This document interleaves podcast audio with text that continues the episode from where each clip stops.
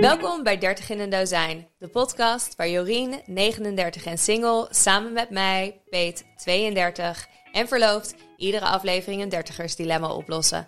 Met behulp van vrienden, experts en het internet. Volg ons op TikTok en Instagram, 30 in een dozijn. De vraag van vandaag is, hoe overleef ik liefdesverdriet? En ik weet niet of jij die boek hebt gelezen, Jo, over hoe overleef ik als tiener? Nee. Oh, ik heb ze allemaal verslonden, dus daar moet ik een beetje aan denken met deze vraag. Uh, maar we willen graag leren hoe het proces eruit ziet, hoe lang het duurt voordat je eraf bent en hoe snel je klaar bent voor een nieuwe relatie. Jo, ken jij het gevoel van een gebroken hart? Ja, absoluut. absoluut. Ik heb ook zeker mijn nodige portie aan liefdesverdriet uh, uh, voor de kiezer gekregen.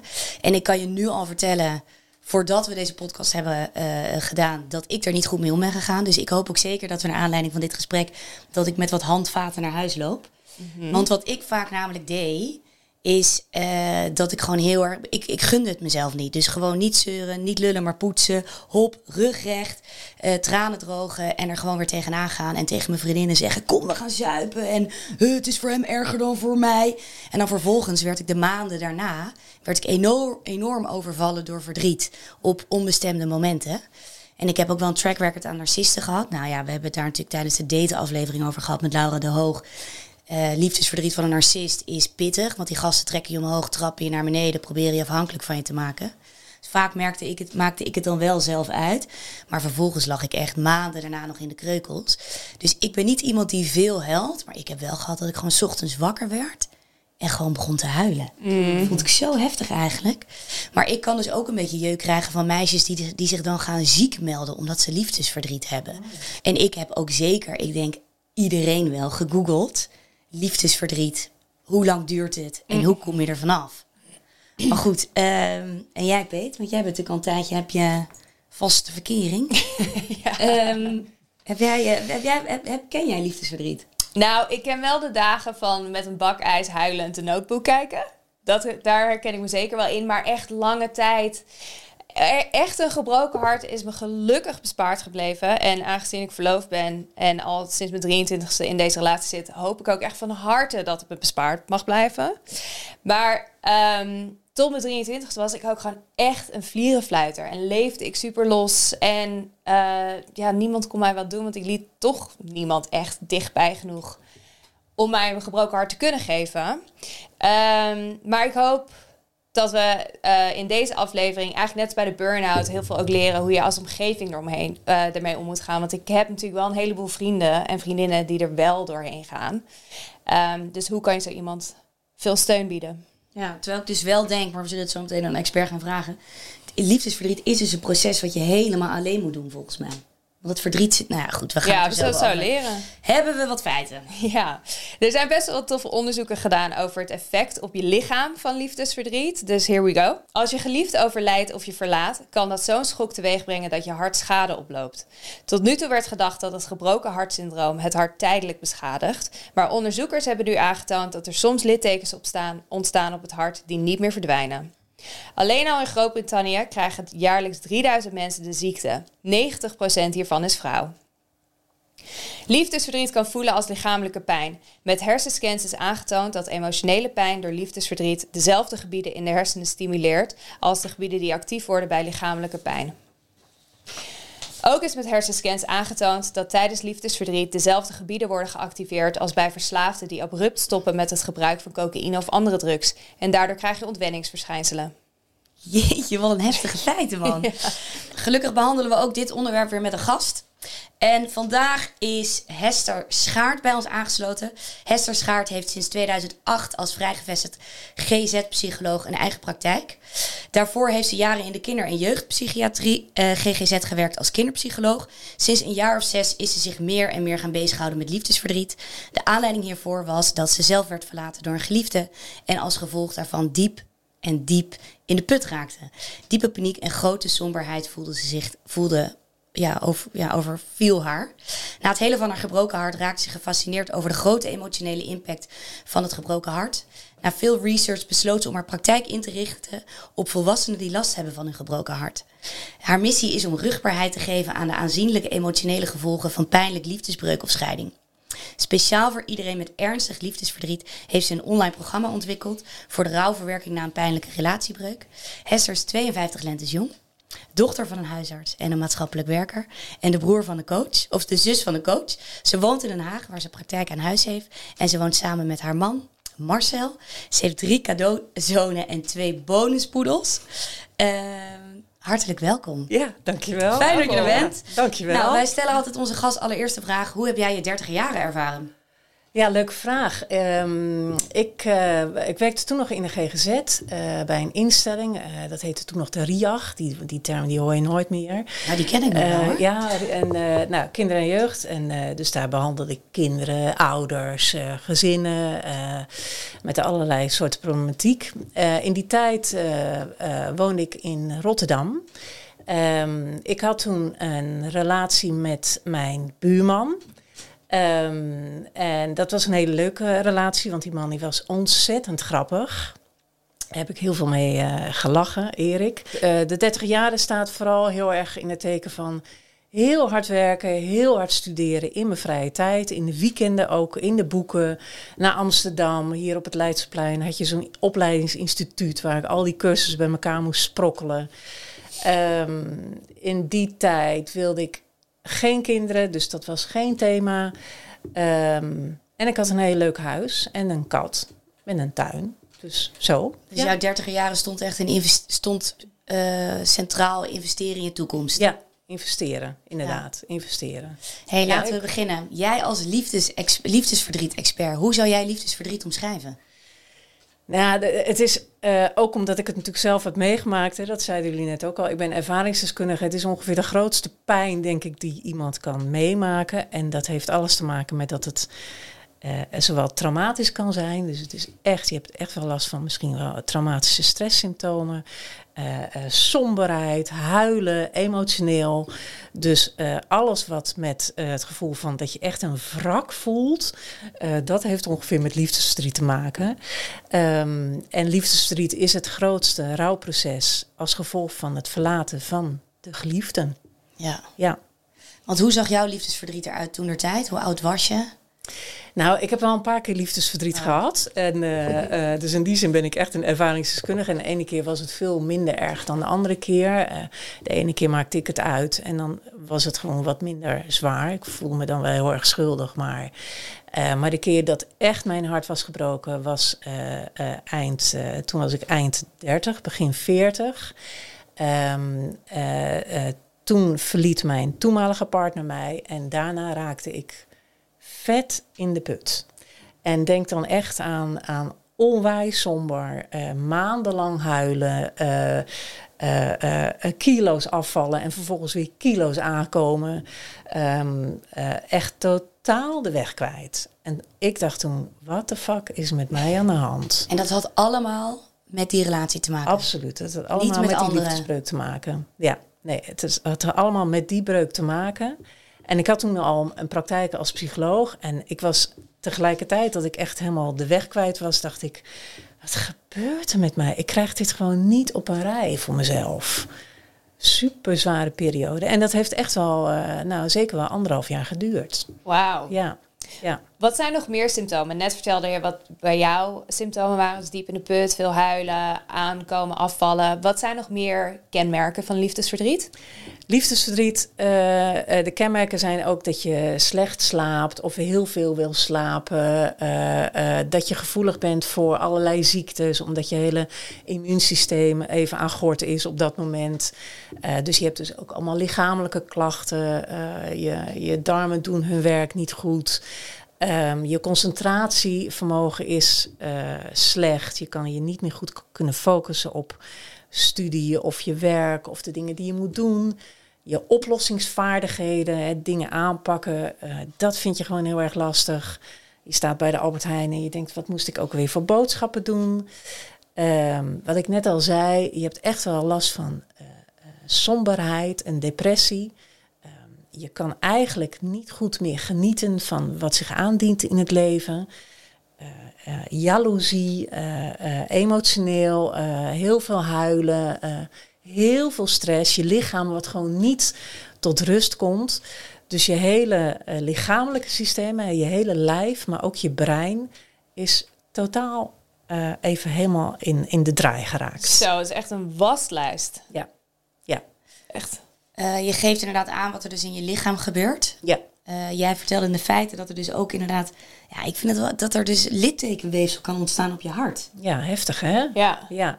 heel Ja. apart. Ja, Wat gewoon niet meer weggaat. ja, er zijn echt, en gelukkig is daar dus heel veel onderzoek naar gedaan. Hè. Dus cardiologen ook hier in Nederland, die hebben echt gezien dat eh, als gevolg van die cardiomyopathie, en dat maakt dat je, eh, eh, ja, dat je hartspier op dat moment even minder goed zijn werk doet. Eh, dat maakt dat je echt op de eerste hulp terechtkomt. En sommige meiden- mensen kunnen daaraan overlijden. Ja, Maar ik merk dat ik toch ook wel een beetje sceptisch ben in die zin... dat mensen zeggen ook dat je natuurlijk het geluk uit jezelf moet halen. Dus als je zoveel liefdesverdriet hebt... dan stel je toch eigenlijk je eigen geluk afhankelijk... eh, aan dat van een ander. ja. En dat is dan toch... ei- Dat, dat, dat stuit me toch tegen de borst. Ja, dat snap ik. Het is ook een beetje, een beetje raar. Hè? Ik bedoel, ik ben psycholoog. Moet een psycholoog zich nou per se bezighouden met zoiets als liefdesverdriet? We maken het allemaal mee. Ehm, maar Nou, het wel- is, ja, het, is, het is een soort van ingewikkelde rouwverwerking. Hè? Want degene waar je van houdt en waar je van hield, diegene hield ook van jou. En juist diegene die die liefde aan jou tentoonspreiden, die pakt de liefde weer van je af. En dat is een soort rare draai die je moet zien te maken in je, in je, in je, in je gedachten en in je gevoelens. Dus je hebt je heel erg gehecht aan iemand en vervolgens pakt diegene dat weer van je af. En hoe moet ik daarmee dealen? Was het dan niet echt die liefde? Eh, Merk je dat als je verlaten wordt, want dat is het voorbeeld wat jij ook geeft, dat je liefdesverdriet heftiger is dan wanneer jij degene bent die de relatie verlaat? ja. ja, het is zo dat als je wordt verlaten, dan sta je 10-0 achter, misschien wel 100 punten achter ten opzichte van degene die die breuk heeft geïnitieerd. Want die is blijkbaar toch al weken of maanden bezig met van, ja, ik, ik, ik wil hier een punt achter zetten. En degene die daarmee wordt geconfronteerd, ook ik dacht toen, ja, ik kan nu terugkijken van die relatie was toch misschien niet helemaal, helemaal goed genoeg. Maar toch was ik totaal van de wap toen ik werd verlaten. Ja. Ja. En degene, Hey, ja. ja. ik vind wel dat het iets is wat je super serieus moet nemen hoor. Het is helemaal niet dat ik daar minachtend over wil doen. Maar eh, je- je gunt iedereen dat iedereen wel uit het verdriet komt. ja. Maar zijn er dan ook mensen die erin blijven hangen en er dus nooit uitkomen? Ja, ik heb mensen in mijn praktijk die, die je moet je voorstellen als je, eh, en dat is dan een soort, ja, dat zijn grootste voorbeelden, maar die mensen die zijn 20, 30 jaar, 40 jaar samen geweest met die partner, zijn getrouwd, hebben kinderen, hebben kleinkinderen. En dan vervolgens een van de twee zegt van ja, ik wil toch niet verder. Dan blijft diegene achter na een, een scheiding met een, met een gebroken hart. En dan ben je natuurlijk niet alleen de partner verloren, maar je bent het leven verloren wat je met die partner had opgebouwd. En dan is het liefdesverdriet groot. Ja, en ik vermoed ook dat ik heb een paar vriendinnen die er heel erg in kunnen blijven hangen zijn, dus mijn leeftijd begin 30.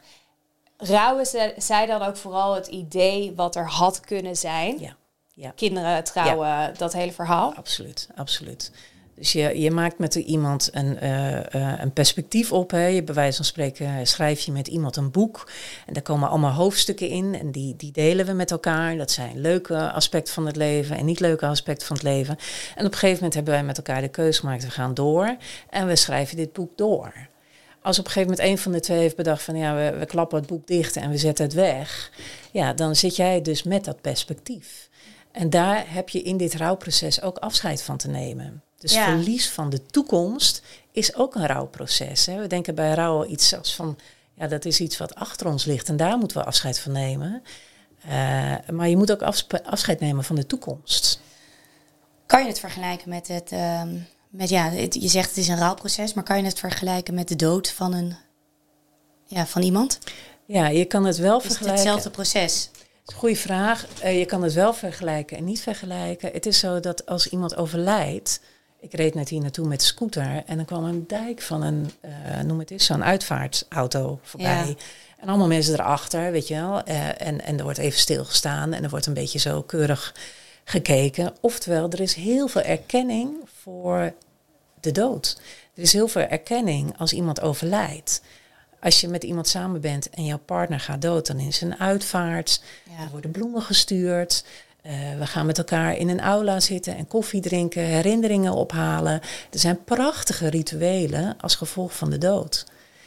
Als gevolg van de scheiding willen we natuurlijk heel snel als omgeving dat degene die achterblijft die moet zo snel mogelijk weer door met dat leven, doorpakken. Hè, dus we, we hebben wel bedacht van dat je dan, eh, ja, je mag wel even verdrietig zijn, maar je moet vooral weer door. Ja, maar ja, het is hetzelfde met de burn-out. Je kan beter een gebroken been hebben.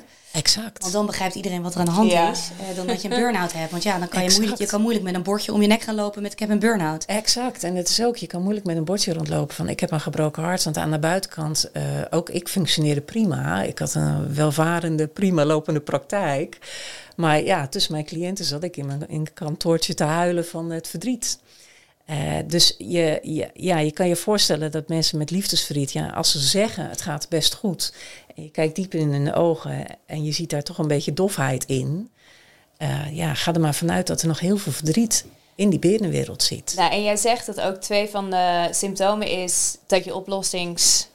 Hoe heet dat? Oplossingsvermogen? Ja, ja. minder is en je concentratievermogen. Dus dan kan je ook wel zeggen dat als je heftig liefdesverdriet hebt, je ook veel minder functioneert in je baan. Zeker, zeker. En er zijn Dus ook zoveel mensen die... manager ook wel heel belangrijk om te weten. Zeker, zeker. Als manager moet je dat zeker weten. Dat als mensen, of ze nou kort in een relatie hebben gezeten, of het is een vakantieliefde waar iemand alles aan heeft opgehangen en dat gaat over, iemand, iemand stort daarna in elkaar na die breuk, neem het maar wel degelijk serieus.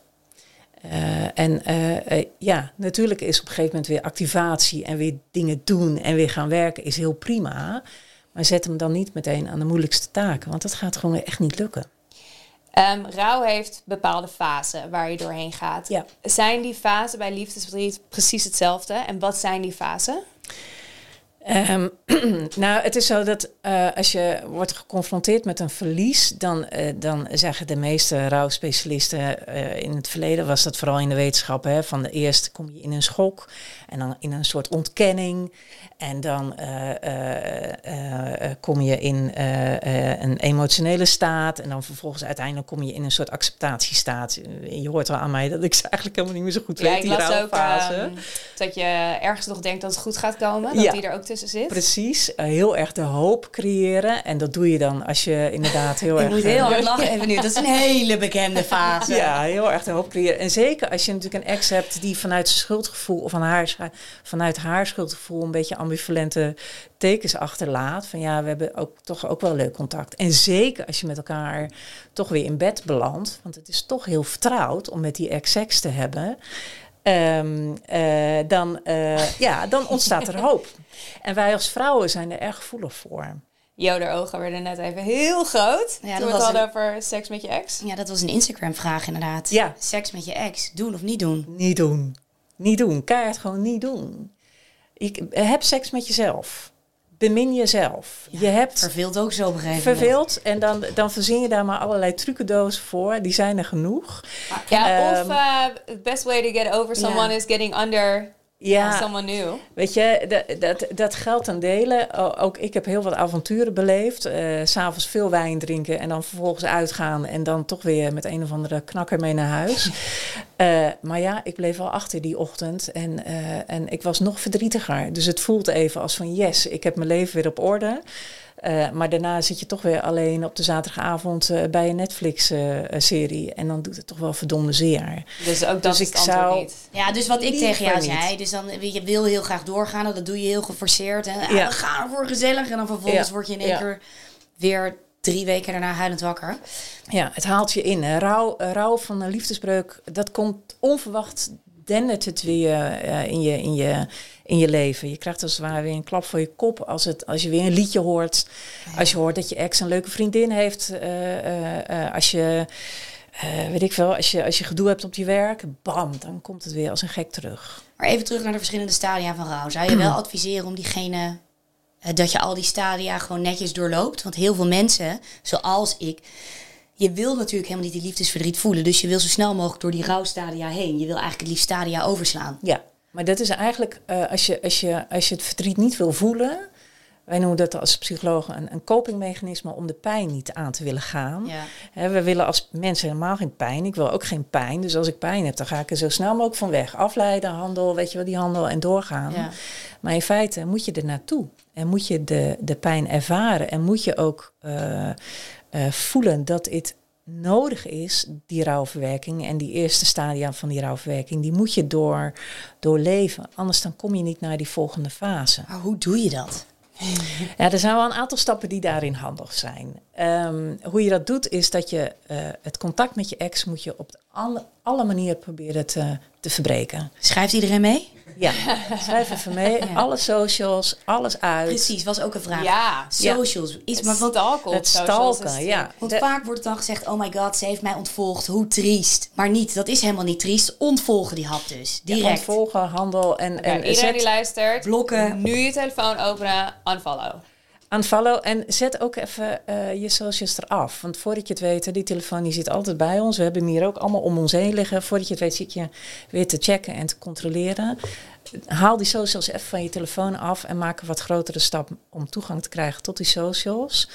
Je moet weten dat in dat brein, wat jij net vertelde, eh, is, er een, is er een gebied. eh, dat, is, dat is een gebied wat reageert op pijn en genot.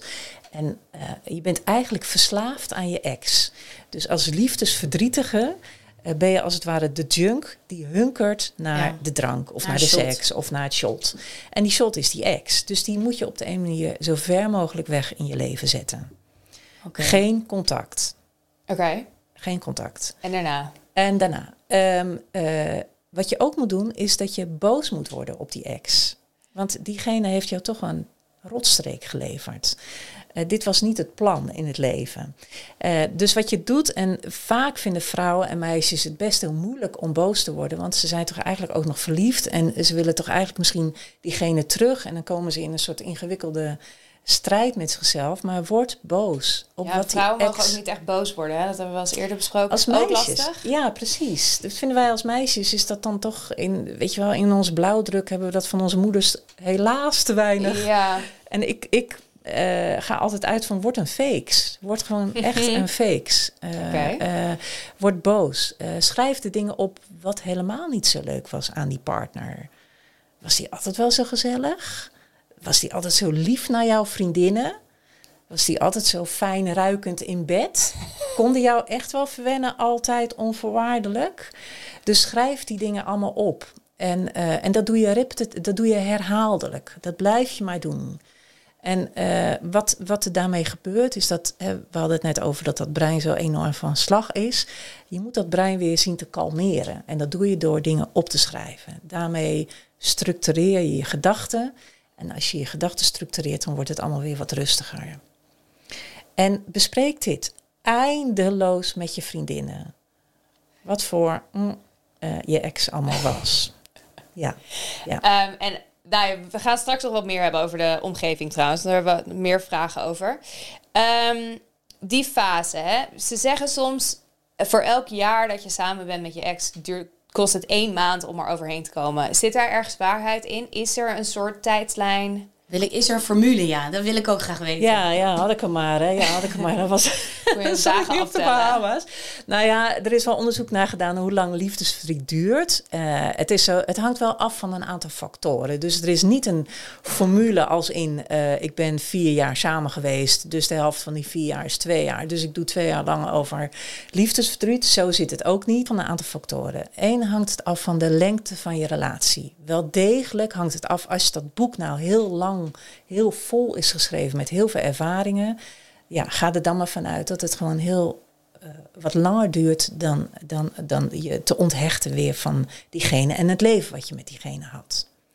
Twee, je temperament, je blauwdruk. Ben je extravert? Durf je heel makkelijk hulp te vragen? Of ben je introvert en zit je het allemaal in je eentje allemaal een beetje zo te bedenken? Ehm, dus je temperament. Drie, je persoonlijkheid. De kracht van je persoonlijkheid hangt af van hoe je met pijn omgaat. Hè? We hadden het net over copingmechanismen. Hoe ga je om met pijn? Hoe ga je om in het leven met pijn? Heb je een eh, sterke ruggengraat? Of voel je bij iemand, ah, bij, de, bij die vrouw, die heeft wel vaker narigheid meegemaakt. En ik zie dat ze daar gewoon in het algemeen ingewikkeld mee kan omgaan. Dus de kracht van je persoonlijkheid is ook een factor. Drie, je verlaten? Of nee, we waren al bij vier. Je verlaten of eh, eh, eh, ben jij degene die de verlater is? Dat, daar hangt het ook heel erg van af. En de laatste component is, heb je hulptroepen bij je? Hè? Dus heb je een heel team van buddies om je heen waar je dit verdriet mee kan delen. Hoe kan je het beste vrede vinden in een afgesloten relatie? Dat is een mooie vraag. En eigenlijk zeg ik tegen al mijn cliënten dat, uh, dat liefdesverdriet staat voor ja, uh, dat, dat liefde twee zijdes in een medaille hebben, hè, aan een medaille hebben. Aan de ene kant is het dat je je heel erg kan hechten en gekoesterd kan worden door die geliefde. En het risico aan de andere kant van de medaille is dat het verloren kan gaan. Maar wat niet verloren gaat, en dit is wat belangrijk is, is dat jij dus blijkbaar in staat bent om lief te hebben. Je bent altijd in staat om lief te hebben. Dus liefdesverdriet is het gevolg van dat je in staat bent om lief te hebben. En liefhebben is een, is een, is een primaire behoefte van als, als mens. Je kan je voorstellen dat als psycholoog ben ik altijd heel erg bezig met hechting en hechtings, uh, uh, hechtingspatronen. Daar zullen jullie ongetwijfeld veel over, ook wel in deze podcast nog wel eens over horen. Het is een heel interessant onderwerp. Hoe ben je gehecht aan je ouders? Hoe komt het kind uh, in, een, in, een, in, een, in een veilig nest? wordt het geboren. Als je veilig gehecht bent, dan is die primaire behoefte van geliefd worden, is daarmee al beantwoord. Als dat in die, in die eerste paar jaren al heel erg broos is, ja, dan heb je een broze persoonlijkheid en dan hakt, persoonlijk, en hakt liefdesverdriet er nog meer in. Ja, want dan stel je jezelf dus afhankelijk van de liefde die een ander jou geeft. Exact. Ja. Kan, je gradaties aan, kan je gradaties aan liefdesverdriet hangen? Dus is bijvoorbeeld een liefdesverdriet in je jeugd heftiger, of in je twintiger jaren heftiger, of in je dertiger jaren heftiger? Uh, het liefdesverdriet is van alle, van alle leeftijden, dat Ja. weet ik. Want Ja. vrouwen van 50, 60, 70 Ja, kunnen ook in zak en as zetten. ja. Maar kun je, er, eh, ja, kun je er gradaties aan hangen? Is de ene liefdesverdriet heftiger dan de ander? Ja, ja, zeker. Ja, je ziet wel dat eh, eh, eh, vorig jaar nog heeft een dame gepromoveerd in, in, in Groningen. En die heeft gezien dat aan de hand van onderzoek mensen met liefdesverdriet, die, die mochten zich bij haar melden, studenten. En die lieten allemaal zien dat ze, dat ze depressieve symptomen hebben. En ja, depressie is dus heftig. En bij de ene is het heftiger als, als de levensfase op dat moment heel erg die ander nodig had. Dan is het liefdesverdriet heel erg, want dan moet je je daarvan zien te onthechten. En als het inderdaad maar een kort- kortdurende affaire is, eh, eh, bijvoorbeeld met iemand op je werk, en daarna ga je toch weer door naar ander werk, dan zal je zien dat dat liefdesverdriet sneller overgaat. Dus het is niet leeftijdsgebonden, maar afhankelijkheidsgebonden. Ja, eigenlijk wel. Is er een verschil tussen mannen en vrouwen qua liefdesverdriet? Ja, dat denk ik wel. Ja, het is een beetje een voorzichtige eh, uitspraak, maar wat ik vaak mannen zie doen, is dat ze heel snel weer eh, eh, over het liefdesverdriet heen willen stappen en zo snel mogelijk weer een nieuwe partner vinden of willen.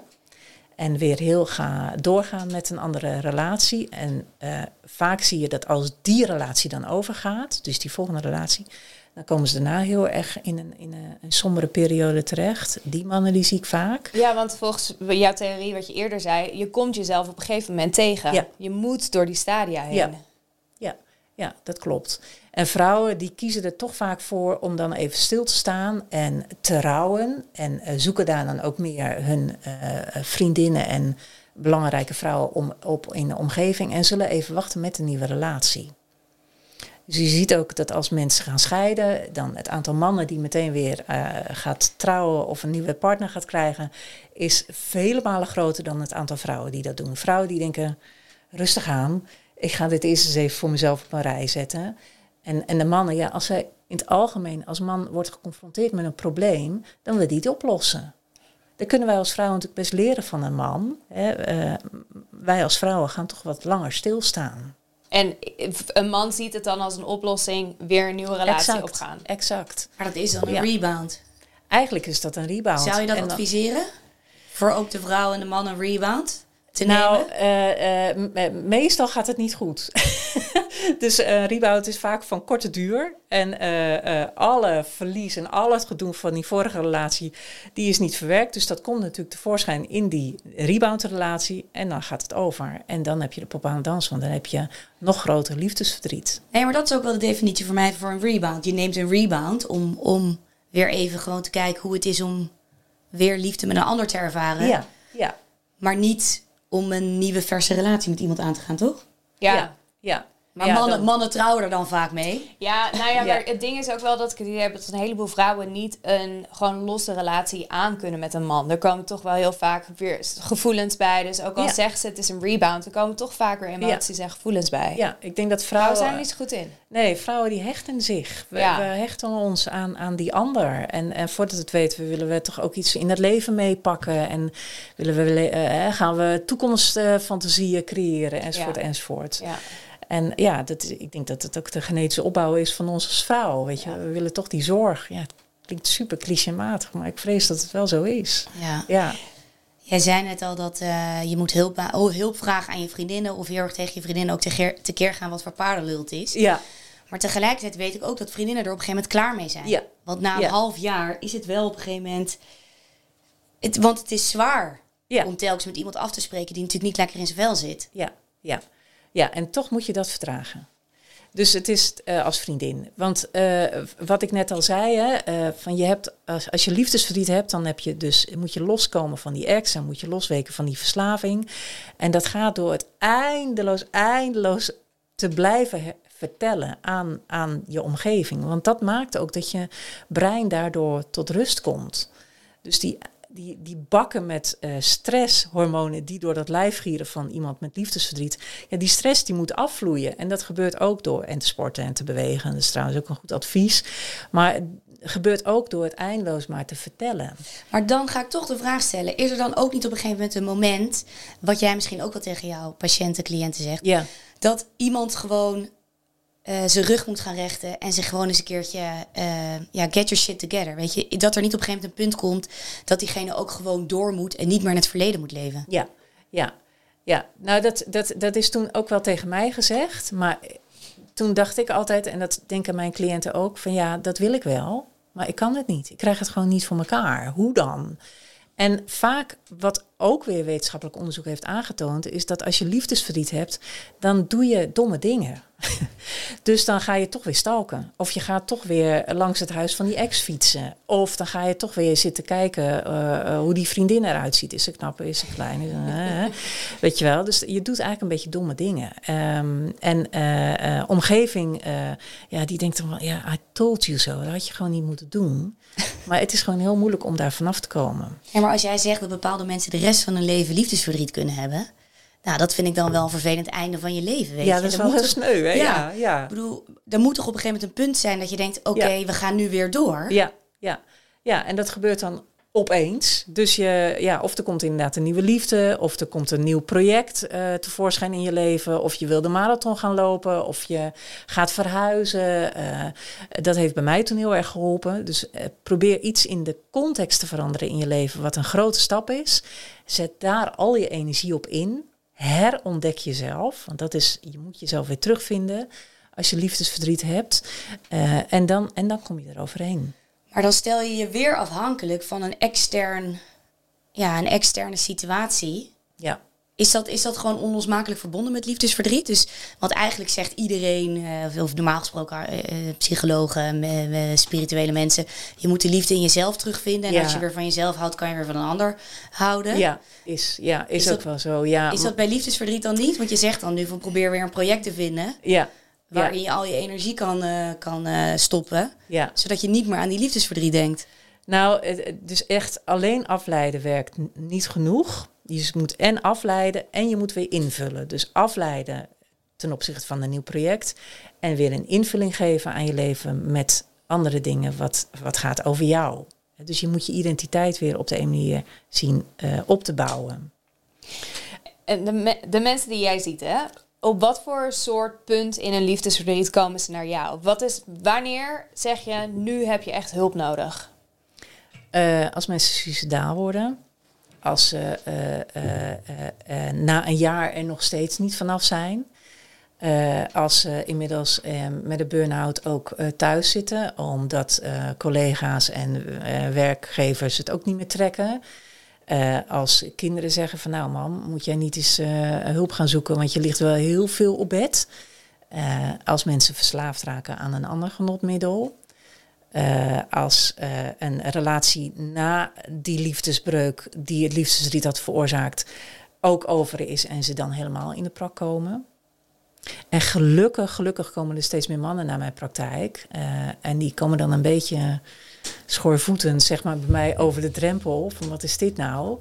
En dan zeg ik, ja, ik ben hartstikke blij dat je hulp zoekt. Gelukkig maar, je hebt er eigenlijk veel te lang mee gewacht. Doe dat nou eerder. Want mannen durven er gewoon niet over te praten. Nee, nou dat, is, dat komt telkens in elke aflevering ongeveer. Is echt, ja. Die mannen, die moeten dat gewoon...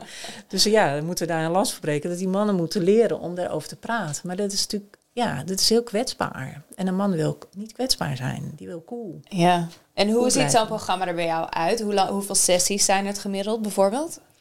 Ja, eh, zo kort mogelijk en zo lang als nodig. Hè. Dus sommige mensen die hebben vijf gesprekken en dan eh, eh, hebben we een aantal goede dingen kunnen bereiken als het gaat over de opbouw van de identiteit of het, of het verwerken van hele nare herinneringen, zoals de breukmelding. Ja. Die is vaak voor heel veel mensen totaal traumatiserend. Eh, ehm, eh, mensen kunnen daarbij ondersteund worden met online programma wat ik heb gemaakt, e-health programma's, waarin ik heel veel uitleg over wat er met je brein gebeurt. En waarin ik ook heel veel vaardigheden leer over hoe je de stress kan, eh, kan, ja, kan, kan laten minderen. Ik vind dat wel een goede tip, want ik kan me voorstellen als je 25 bent en je zit in zak en as en je bent super verdrietig, dat je de stap, om naar een, de stap naar een psycholoog vind je heftig. Ja, Wat je al zei, er is toch een algemene tendens liefdesverdriet, shit happens, maar get your shit together op een gegeven moment. Maar dat is een online programma, dat kan je dan volgens mij in de veiligheid van je eigen huis volgen. ja. Dan is dat een heel goed idee. Ja. ja, en daarom heb ik het ook precies gemaakt. Ook omdat ik eh, ja, een wachttijd heb van, van maanden. Dus ik zou heel graag iedereen willen bedienen, maar dat gaat natuurlijk helemaal niet. Ik start nou eerst met het programma dan kan je 24 uur 7 via je telefoon eh, leg ik je met filmpjes uit hoe dingen werken. Geef ik je oefeningen mee. eh, eh, laat ik je inderdaad opschrijven. Nou, noem nou eens vijf dingen op over je ex, waarover die een lul was. Schrijf een, een rotte visbrief. Brief. En stop met idealiseren. Stop met daar diegene neerzetten Ja, dat is ook die jouw hart heeft gebroken. Ik vind het supergoed. Dat is super laag eh, drempelig. Dat is liefdesverdrietpsycholoog.nl. Daar kunnen ze Ja. je programma vinden. Ja. ja, ik vind dat een hele goeie. Peet, van jij... Want ik merk aan mezelf dat ik vind liefdesverdriet mag er zijn. En ik zou dan nu de volgende keer als ik liefdesverdriet heb... dan zou ik dus, want ik ben zo'n typetje wat juist de fase van verdriet overslaat... en direct in de fase van boosheid terechtkomt. Ja, Terwijl ik, en dan komt er verdriet later. Dus Ja. ik zou juist even stil moeten staan en het verdriet moeten laten komen. ja, Ehm, maar ik ben wel een beetje van de tendens dat ik op een gegeven moment denk... je moet ook weer door. ja, Je moet weer gaan kijken of je weer een silver lining kan zien. Of je weer kan genieten van een kopje koffie. exact. Of een zonnetje. dat je dat hebt. Dus ik, ik Ja. vind dus wel, weet je, mensen die zich ook ziek melden voor liefdesverdriet. Nou, nu na het gesprek begrijp ik het wel, maar daar kan ik wel denken, ja. Maar wat vind jij er dan van, Peet? Vind jij ook op een gegeven moment dat iemand weer zijn schouders er gewoon onder moet zetten? Ja, ik Of ben je- vaak die vriendin die dan eindeloos moet luisteren. Mhm. Nu weet ik een beetje die, die fase van rouw. Dus nu kan ik misschien in mijn hoofd een beetje bijhouden. Oké, nu zitten we hier. Dus eh, hopelijk over een paar weken gaan we naar het volgende. Maar ik heb ook een paar vriendinnen. En daarom vroeg ik dat eerder. Met, is dat vooral het ideale plaatje waar ze aan vasthouden? En dat dat ze zo verdrietig maakt. En de toekomst. Want ik heb echt vriendinnen die hebben dan gewoon een super shitte gozer gehad. Ja, En die zijn daar maanden, zo niet jaren echt van, van de leg. Dat ik denk, maar waarom? ja, Maar ik denk dat dat dan vooral inderdaad, met name als je, als je in de dertig bent, dat dat gewoon dat ideale plaatje is wat je voor ogen had. ja, Ook al was dat met die persoon nooit goed afgelopen. ja. Eh, en mag je blij zijn dat er nog geen kinderen in het spel zijn, bijvoorbeeld. Ja. Maar dat je dus wel, ehm, dat dat vooral is waar ze echt om rouwen. Niet de persoon Exact. zelf of de relatie. Exact. Dus als, eh, als vriendin, hè, dus degene die eindeloos dat verhaal maar moet aanhoren, Ja. eh, wat je op een gegeven moment wel moet doen, is dat je heel veel vragen gaat stellen. Dus oké, hoe had jij dan de toekomst verwacht met deze man? Eh, en eh, eh, hoe, hoe gelukkig was je eigenlijk toen, toen jullie een keertje die ruzie hadden waar je, over mij, waar je over mij vertelde? Dus je vult niet in, maar je stelt gewoon heel veel vragen. Hoe stel je je voor over drie jaar? Ja, Hoe goed. stel je je voor over eh, eh, eh, 35 jaar? Dan ben je in de 70. Hoe kijk je hierop terug? Weet je, dus laat mensen, en dat is eigenlijk het enige wat ik doe in mijn praktijk. Ik stel vragen, ik luister en ik ga in op eh, wat, er, wat natuurlijk betekenisvol is en relevant is. En ik luister naar de betekenisgeving. En ik probeer in gesprek, in een Socratische dialoog, met elkaar daar een andere draai aan te geven. Ja. Ja, want jij zei net ook dat achteraf gezien dat jij wel door had dat jouw relatie niet perfect was. Exact. En Ja. ik denk dat een heleboel mensen zich dat achteraf moeten kunnen realiseren. Er zullen maar weinig relaties die echt rainbows en butterflies zijn, ja. die v- verbroken worden. Ja. Eigenlijk al die relaties zullen wel dingen in zijn gebeurd en eh, gevoelens bij zijn geweest die niet kloppen bij een Ja. succesvolle en gelukkige relatie. Ja. Ja.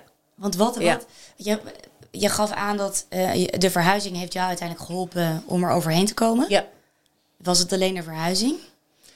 Het was verhuizing, het was gek genoeg ook mijn werk. Eh, want ik begon alles te lezen en te onderzoeken wat los en vast was over, over liefdesverdriet. Nou ja, er is gelukkig heel veel literatuur, er zijn heel veel boeken over geschreven, heel veel eh, onderzoeken naar gedaan. En nou, ik vrat het op.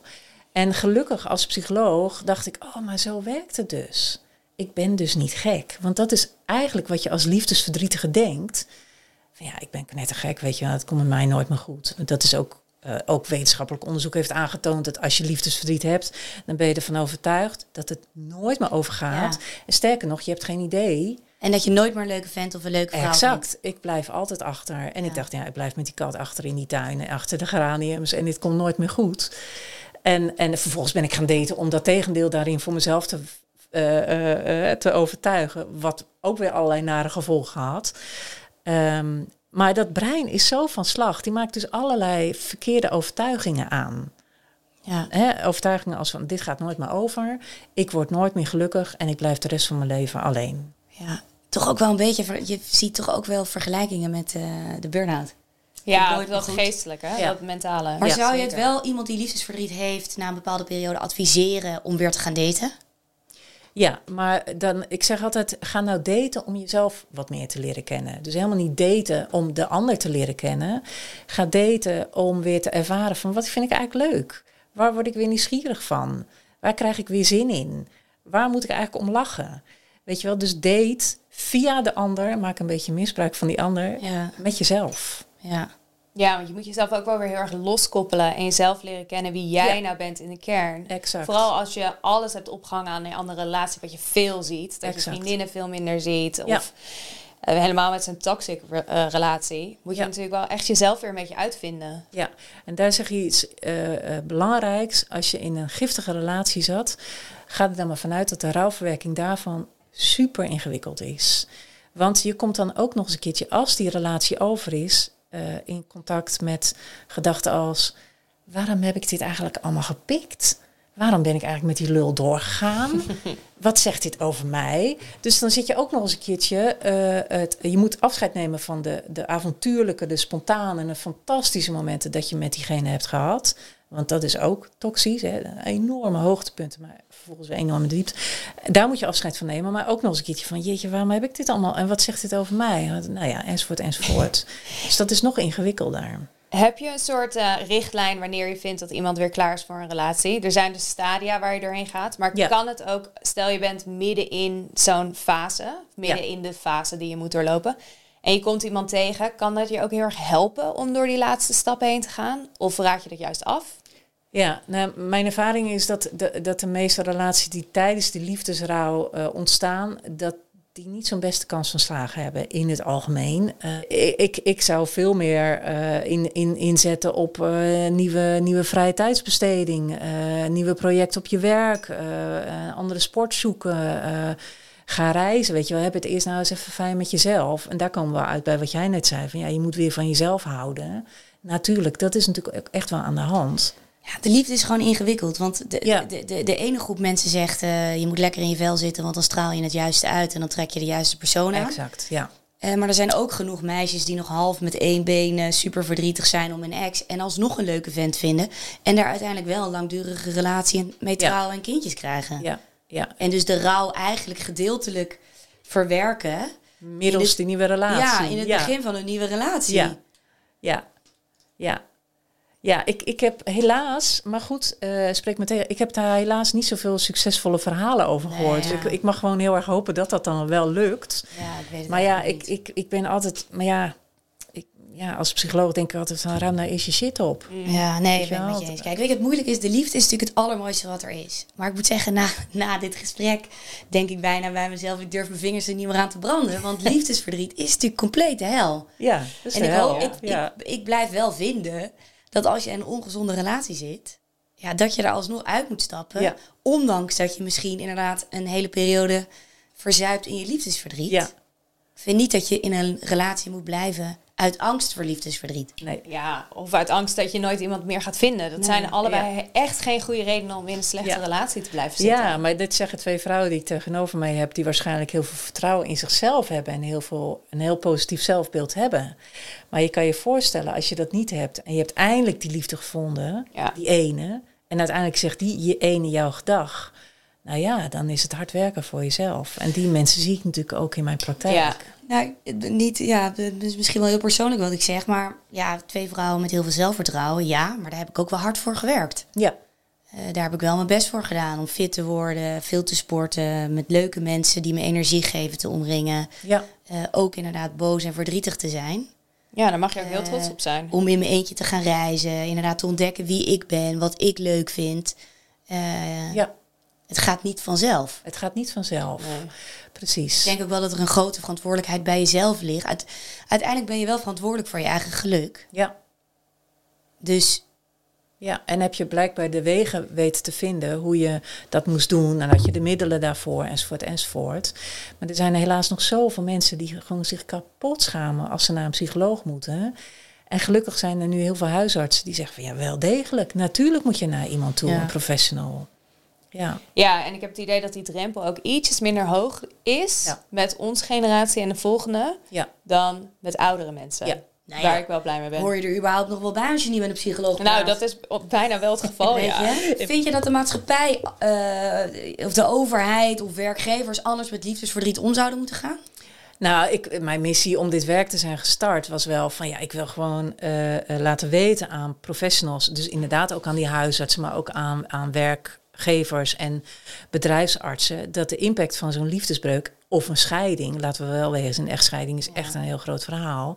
Ja, daar moet je wel echt wel eh, eh, tijd en erkenning voor geven. Die mensen die hebben echt wel een, een lastige periode. Ze voldoen in één klap aan een depressie. PTSS, posttraumatische stress, obsessief-compulsieve stressstoornis, eindeloos stalken, dat is echt wel OCD-gedrag, dwangmatig gedrag. Dan hebben we ook nog ietsje over somatisatiestoornis. Je hebt allerlei kwalen in je lijf waarvan je denkt, dat gaat nooit meer over. Dus je voldoet in één keer aan eh vier, vijf DSM-5-diagnoses. Ik blijf wel alleen de komende tijd, denk ik. Nou, maar Jo, jij zegt van ja, ik vind het ook wel overdreven als iemand zich ziek meldt op werk na aanleiding van liefdesverdriet. Maar als je vriend of vriendin of je moeder is overleden, vinden we dat wel heel normaal. Ja, precies, vinden we dus dat dat- ja, normaal. ja. Ja, ja, ja. Dus ja. dit moeten we misschien ook maar normaal vinden. Ja.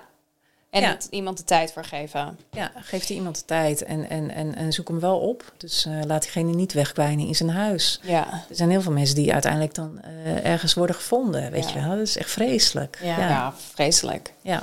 Ehm, denk jij dat je een goede relatie met je ex kan hebben?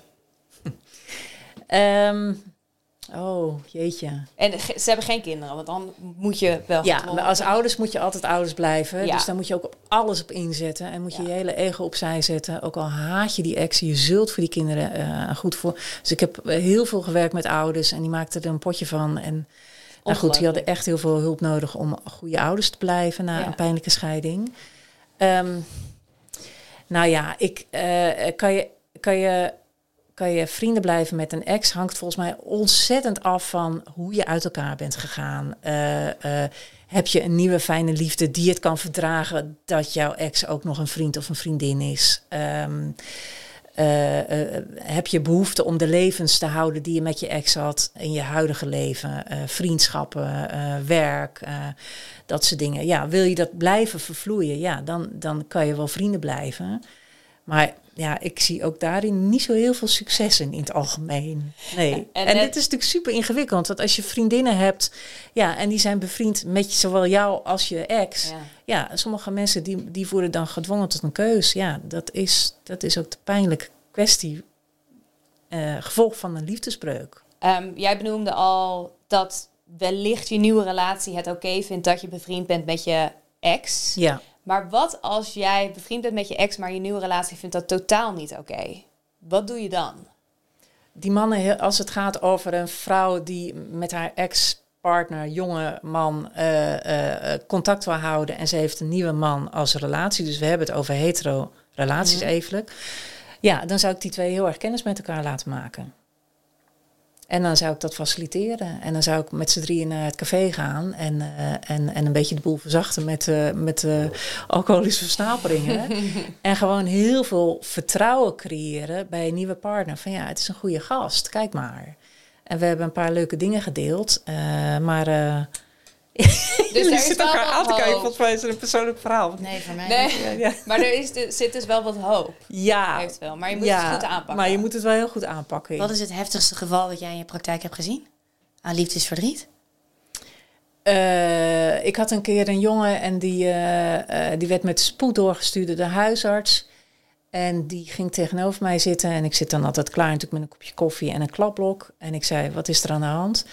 En die begon zo vreselijk te huilen. En tegelijkertijd te hyperventileren. En die viel van zijn stoel. En die ging echt op de grond kruipen van, van, van, de, Wanhoop. van de wanhoop. Hoe oud was deze jongen? Ja, die was ergens in de dertig. Ja. Wauw. Ja, dus nou ja, goed. Toen dacht ik, oké, ik leg maar even mijn blokje, leg ik opzij. Rustig aan, joh. Weet je, wat is, wat, wat is er gebeurd? Nou ja, uiteindelijk kon hij weer een beetje rustig worden en kon ik dat hele verhaal horen. En dat was een heel pijnlijk verhaal, want eh, er was een vriendin die had hem verlaten en hij, zij was er vandoor gegaan met zijn beste vriend. Nou, allemaal vreselijk, vreselijk pijnlijk. Jeetje. nou goed, ik kan daar verder niet zoveel Nee. verder over vertellen, maar Nee, eh, ja. Maar vreemdgaan, sorry, vreemdgaan draagt ook vaak niet bij aan de sfeer. wat betreft liefdesverdriet. Nee. Eh, ma- maakt het het over het algemeen erger of makkelijker om eh eroverheen te komen? Ja, de vreemdgaan is de, de ultieme afwijzing, weet je wel. Je, je, je geliefde die kiest voor de ander. Daar kom je dan soms ook heel onverwacht eh, achter. Via een dingetje in een telefoon of iemand blijft weg of wat dan ook. Dus dan heb je te maken met de afwijzing. dat ik denk dat seksualiteit voor vrouwen als, een, als, een, als haar ex-vriend met een andere vrouw naar bed is gaan, is dat ongelooflijk pijnlijk. Ik denk dat mannen ten aanzien van seksualiteit daar net een wat andere betekenis mogelijk in geven. Ja, als de hechting aan te pas komt, dan is het voor vrouwen onwijs pijnlijk om, dat, om daarmee te dealen. Ik merk ook dat als dit is gebeurd bij vriendinnen, dat je daar in een volgende relatie Ja. toch eigenlijk nooit overheen komt. Ja. En dat dat stukje vertrouwen misschien wel nooit gerepareerd kan worden. Ja, we zouden wat dat betreft nog vier podcasts kunnen volgen als het gaat over verlatingsangst en bindingsangst. Ik had het net over die hechtingsrepresentaties. Eh als je wordt verlaten eh, doordat diegene vreemd is gegaan, ja, dan ben je als de dood om weer in een nieuwe relatie diegene te vertrouwen. En dan ga je de boel afhouden. En dan zit je weer in de bindingsangst. En voordat je het weet, val je weer op iemand die ook verlatingsangst heeft. Nou, dat zijn allemaal onwijs ingewikkelde dynamieken. Een vraag, is jouw mening over liefdesverdriet veranderd? Ehm, nou ja, misschien eh, dat ik het toch wel wat. dat je het echt heel serieus moet nemen. Ja. En vooral ook ehm, je vriendinnen er heel erg in moet steunen. Ja, En er ruimte voor moet laten zijn. ja precies. Ja, bij mij ook. Dus ik neem het wel serieuzer. Maar ik blijf wel, ik blijf wel gewoon van mening dat op een gegeven moment moet je gewoon op een punt komen Ja, dat je gewoon weer gaat proberen te genieten van het leven. En dat niet een, een, pers- een, een, een, een ander persoon ja. nog steeds zoveel invloed heeft op jouw leven. Ja, en, En als je dit dan, en dat is een mooie aanvulling, dus als je dit dan lastig vindt, hè, dus als je die ontkoppeling, jij, eh, het klinkt alsof jij heel erg pleit voor die onafhankelijkheid, fantastisch. Als je dit nou hoort en je zegt, ja, maar dat vind ik zo moeilijk, probeer dan het geluk in het leven in de superkleine dingetjes inderdaad te vinden. Ja. Wat jij zei, eh, een lekker kopje koffie, even wandelen eh, in het bos. En oh, wat een mooie plaatjes en dan wat een mooie paddenstoelen. En het is nooit fijn om dat te doen, ook weer alleen. Maar doe maar daar wat meer van. En elke keer je mind veel meer zetten op die minor details.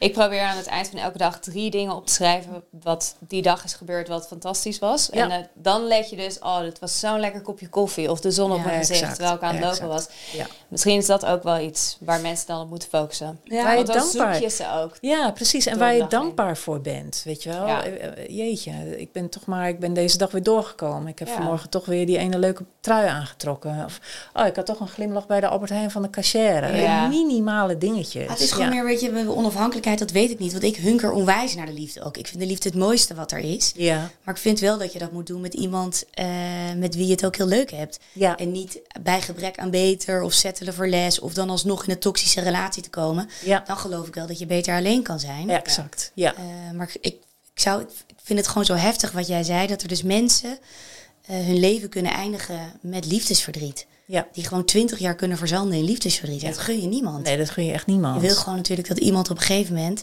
al is het na vijf jaar, Ja, toch weer een beetje eh, ja, de zon aan de horizon ziet gloren. Maar die mensen hebben dus echt professionele hulp nodig. Want als je er tegen die tijd niet uit bent gekomen, kom je er ook niet meer uit. als je na een jaar er niet uit bent gekomen, dan vind ik sowieso na een Ja. jaar moet je echt hulp zoeken. Ja. En dan hebben mensen dus wat opties. Dus jij hebt online op je website een programma. Twee zelfs. ze- ja. Of twee programma's kunnen ze eh, downloaden op, je, op jouw website. Ja. Ehm, jij hebt zelf een wachtlijst Ja. voor jouw eh, therapie. Ja. Naar wat voor soort GZ-psycholoog kunnen mensen zoeken, aangezien ze niet op korte termijn bij jou terecht kunnen komen? Eh, mensen die kunnen altijd naar hun huisarts. En de huisarts heeft altijd een heel laadje vol met allemaal eh vrij gevestigde psychologen in hun omgeving. En ze kunnen in feite naar iedere GZ-psycholoog eh, eh, voor behandeling binnen de basis GGZ of de gespecialiseerde GGZ met een huisartsenverwijsbrief. Dan wordt de zorg vergoed. Ehm, en ehm, ja, en mensen die moeten vooral voelen van, hey, durf ik het aan om bij diegene op gesprek te gaan? Dat is altijd de befaamde klik. Hè? Ja. Voel je je gehoord en voel je je veilig bij Ja. iemand? En gelukkig hebben we daar heel veel keuzevrijheid hierin. En in ze hebben niet een specialiteit nodig in rouw of... Ja, da- daar zou ik wel voor pleiten. Ehm, eh, maar het, het- ja, een goede psycholoog die weet echt heel veel ook over rouw en over trauma en over onthechten en, en eh, eh, de gevolgen van een echtscheiding. De meeste psychologen weten dat echt heel erg prima. Toch denk ik dat je ons goede handvaat hebt gegeven hoor. Ja. Ja. Fijn. Nou ja, alleen al gelukkig. begrijpen hoe het werkt, Ja, is natuurlijk het halve werk. ja, Ja. Dat Ja. vind ik echt mega interessant. Zowel als omgeving Ja. als de persoon die er doorheen moet. ja. Ken u zelf, hè? Dat is altijd Ja. het belangrijkste, inderdaad. Ja. Ja. Heel leuk. En nog één keertje eventjes je website benoemen. Liefdesverdrietpsycholoog.nl Ja. Twee programma's. De ene gaat over als je net bent gedumpt en je zit nog vol in die wanhoop, hè, de eerste weken na een breuk. Het tweede programma gaat als het liefdesverdriet maar niet weggaat. En wat je dan kan doen om door die rouwverwerking heen te ploegen. Daar help ik mensen mee. Super. Nou, ik hoop Ja. dat de downloads door het dak gaan en dat mensen hier niet langer mee blijven zitten. Dankjewel. Heel leuk. Oké, laatste vraag dan hè. Ja, go for it. Als je de 30-jarige één takeaway zou willen meegeven van dit gesprek, wat zou dat zijn? Ehm, wees altijd een Maxima. En daarmee bedoel ik Maxima, onze koningin. Ehm, zij laat zien dat je fantastisch mooi kan zijn, maar dat je ook. eh, ik zit hier helemaal niet om de adem te promoten, helemaal niet. Ik ben benieuwd waar Maar wat, ze, ja, ja, ja. maar wat zij doet, is dat zij eh, heel goed weet met wie ze om wil gaan en niet. En dat ze zich daarin ook nog eens een keertje fantastisch verzorgt. En zij laat mensen naar zich toe komen en zij bepaalt wie er naar haar toe mag komen. Dus creëer een context in je eigen leven eh, die voor jou het meest fantastisch is. Kies die baan die voor jou fantastisch is. Kies de vrienden die jou kunnen steunen tijdens het liefdesverdriet. Kies een huis wat voor jou heel fijn is. Eh, eh, eh, koop een prachtige onesie en ga daar maar dan ook de eerste weken na de liefdesbreuk eh, lekker de hele dag in liggen. Maakt niet uit, doet er niet zoveel toe, maar zorg ongelooflijk goed voor jezelf. Jezus, wat een prachtige takeaway. Ja, heel goeie. Ja, wees een maxima. Wees een Maxima. Ja, Hey, eh, dankjewel Hester. Dank graag je. gedaan. Was heel leuk. Dankjewel voor het luisteren naar 30 in een dozijn. Heb je vragen of suggesties? E-mail ons op vragen@dertiginendozijn.nl en volg ons op TikTok en Instagram 30 in een dozijn. Toedels!